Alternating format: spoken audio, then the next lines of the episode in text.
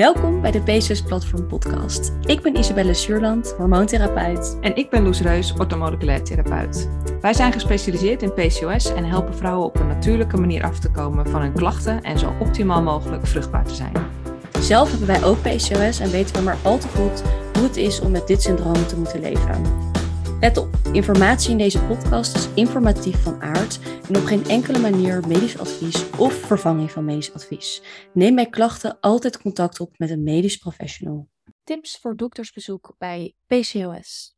In deze podcastaflevering ga ik, Isabel, met jullie uh, het hebben over ervaringen van vrouwen met PCOS met doktersbezoek. Over wat je kunt verwachten als je PCOS hebt. En uh, je gaat naar de dokter. En tot slot tips voor als je naar de dokter gaat en je hebt PCOS of je vermoedt PCOS. Voordat ik van start ga, wil ik wel even meegeven dat het, uh, deze podcast niet bedoeld is om disrespectvol te zijn naar artsen.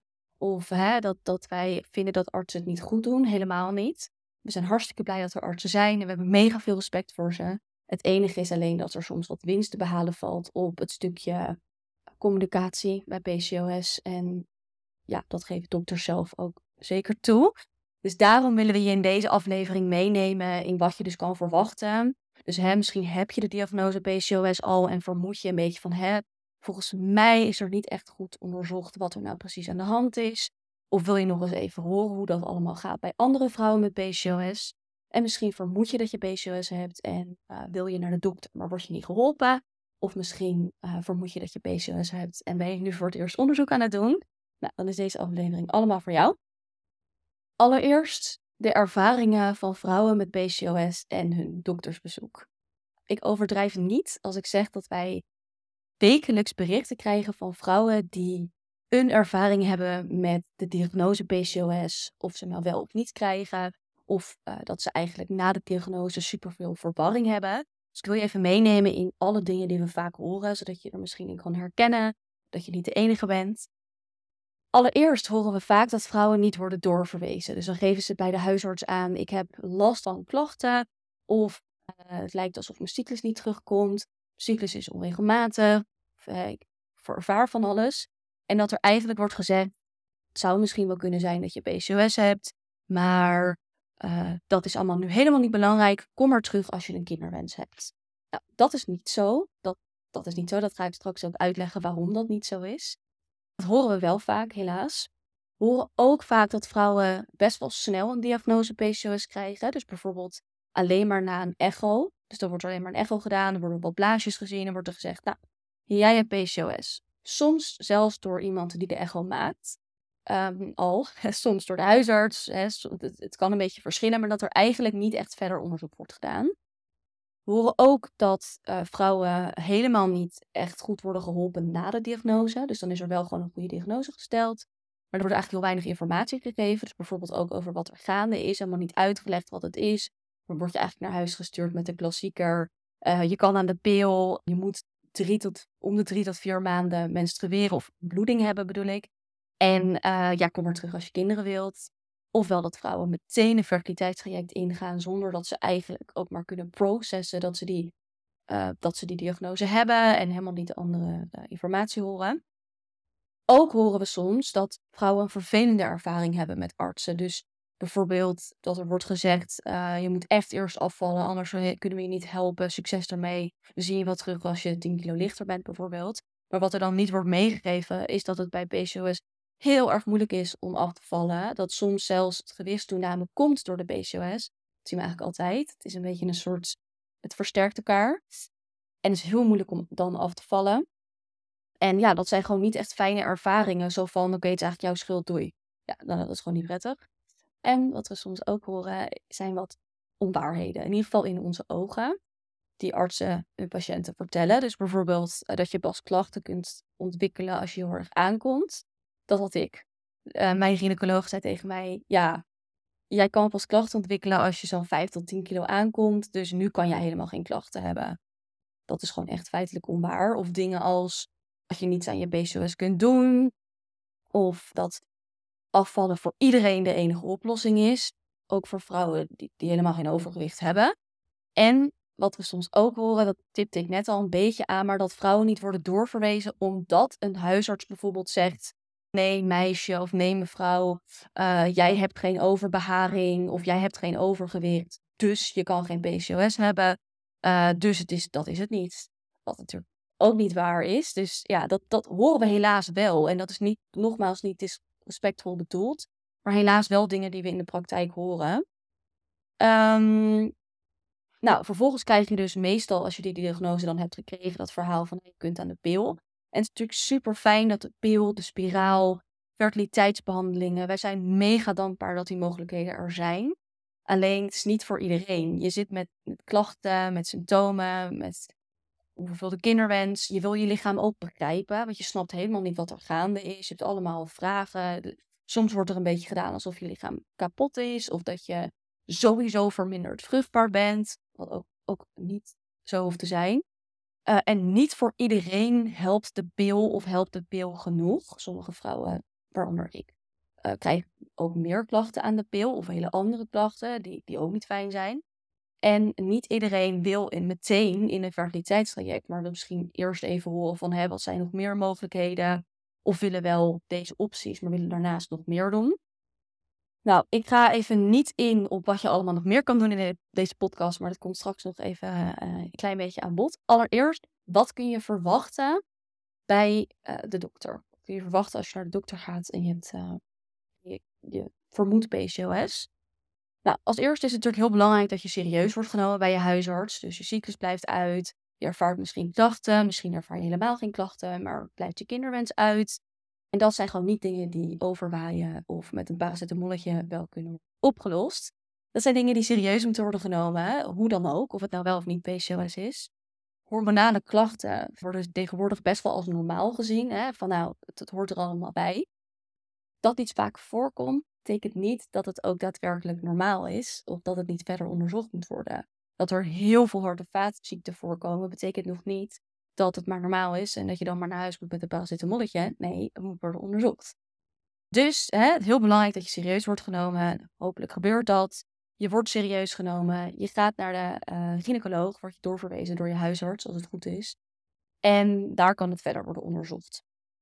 Bij de gynaecoloog wordt het zo te gaan dat er een gesprek plaatsvindt, een echo, meestal inwendig, en bloedonderzoek. En dat heeft te maken met het volgende wordt namelijk gekeken of je aan de Rotterdam-criteria voldoet.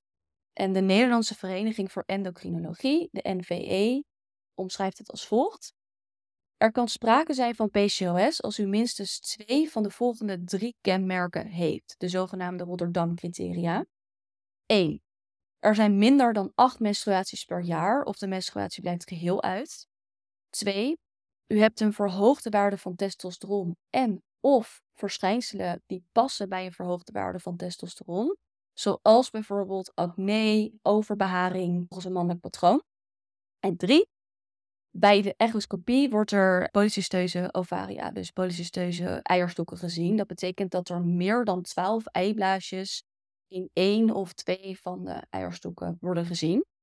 En je hoeft dus niet aan alle drie te voldoen. Dus je hoeft niet allemaal eh, te hebben om de diagnose PCOS te krijgen, maar dus twee van deze drie. En dit protocol is gewoon heel belangrijk. Dus ook dat er met jou wordt gesproken over hoe is je cyclus, hoe is je leefstijl, et cetera. Omdat uh, er andere elementen moeten worden kunnen uitgesloten. Denk bijvoorbeeld aan eetstoornissen zoals anorexia, topsport, heel snel gewichtsverlies, hoge stress. Dat zijn allemaal elementen die ook dit soort klachten kunnen geven. En dat heeft bijvoorbeeld weer te maken met hypothalamische amenorrhoe. Dat is iets anders dan PCOS. Je kan wel PCOS hebben wat overgaat in hypothalamische amenorrhoe. Maar er zijn ook vrouwen die hebben geen PCOS en die kunnen wel hypothalamische amenorrhoe hebben. Dat is dus dat je cyclus om die reden uitblijft. Ook kun je denken aan een aantal andere aandoeningen of ziektes die gewoon simpelweg moeten worden uitgesloten. Er worden gekeken naar de aansturing vanuit je hersenen, naar je uitstokken. En daarna komt dus die diagnose en dan hoort de dokter dus te zeggen, nou je hebt PCOS, het kan daar daarmee te maken hebben. Ehm, dit is er aan de hand. Dit is er gaande. Zo werkt het. Dit zijn je mogelijkheden. En bij die mogelijkheden vertelt de arts je meestal: je kunt aan de pil, zoals ik net zei, of een spiraal. Dus hormonale anticonceptie, om eigenlijk je cyclus eh, te onderdrukken en het op een synthetische manier in stand te houden. Uh, ofwel, als je een kinderwens hebt, kun je meteen een fertiliteitstraject starten. En uh, als je niet een fertiliteitstraject start en ook niet aan de pil wil, dan zeggen ze wel dat het belangrijk is om om de drie tot maximaal vier maanden een bloeding te hebben. Dus ofwel menstruatie of een onttrekkingsbloeding, door middel van bijvoorbeeld een kuur of dus de pil. Die ervoor zorgt dat het baarmoederslijmvlies kan worden afgestoten, zodat het niet verdikt raakt. Heel soms wordt er verteld dat, uh, geven artsen aan, dat voeding en leefstijl ook een rol kunnen spelen bij PCOS. Of bij het aanpakken van je PCOS.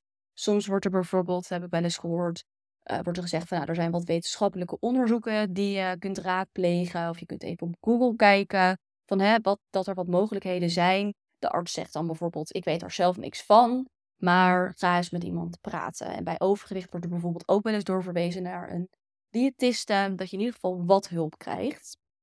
Helaas gebeurt dat niet altijd. En dat is iets waar wij natuurlijk heel erg op hopen. Dat wij staan heel erg voor informed consent.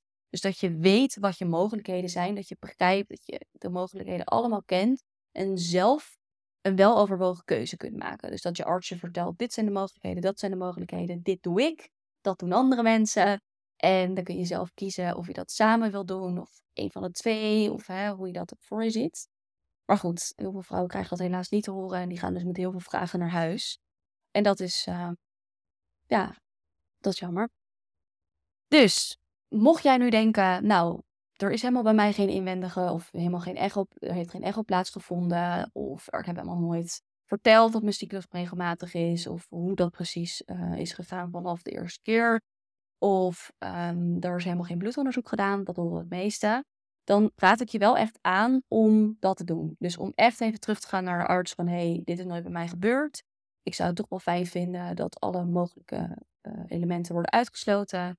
Uh, hè? Ga dan terug. En mocht jij überhaupt geen diagnose hebben gekregen, dan zou ik even de volgende tips beluisteren. Misschien is dat wel iets voor jou.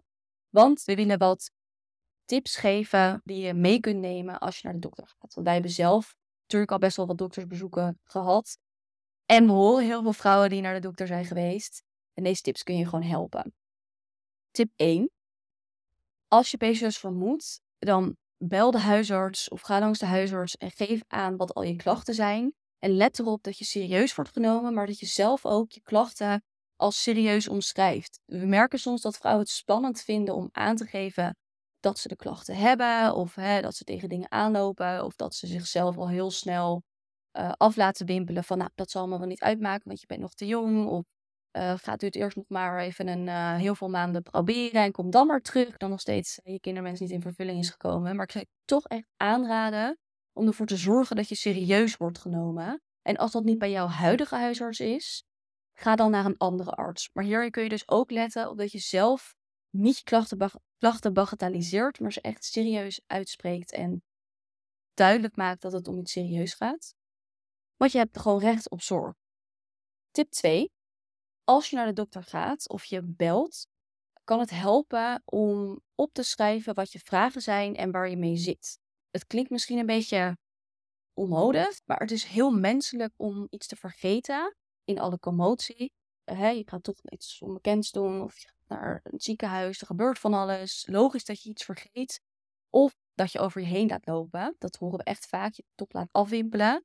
Zo heb ik bijvoorbeeld wel eens om een uitstrijkje gevraagd voor het HPV-virus.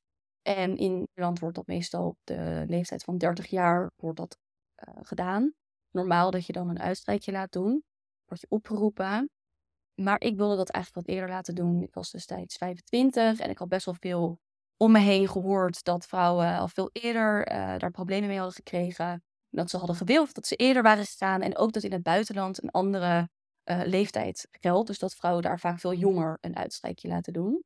Dus uh, vergaf ik dat aan van hè, het is niet een hele grote moeite, dat misschien ook even meenemen. En daar deed de desbetreffende gynaecoloog hartstikke aardige vrouw, maar deed daar wel heel moeilijk over. Dus ik gaf aan van, hey, dat wil ik graag. En die vrouw bleef maar hameren op van, nou, de kans dat je het hebt is 99%. Dus zit helemaal geen zin om te onderzoeken. Van, wat ga je doen als je het wel hebt? Dan kan je er ook niks mee. Het lichaam lost het zelf wel weer op.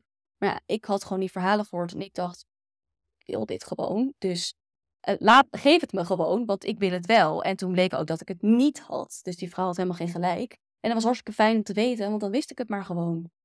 Dus het is heel logisch, zelfs ik had op dat moment zoiets van, oh, oh, nou ja, zal het dan allemaal wel nodig zijn? Als jij het nodig acht en het zijn hele, geen hele gekke vragen die je stelt, dan, hè, dan moet je gewoon serieus worden genomen. Het kan dus heel erg helpen om het van je tevoren allemaal voor jezelf te bedenken. Tip 3. Deze haakt in op de vorige tip.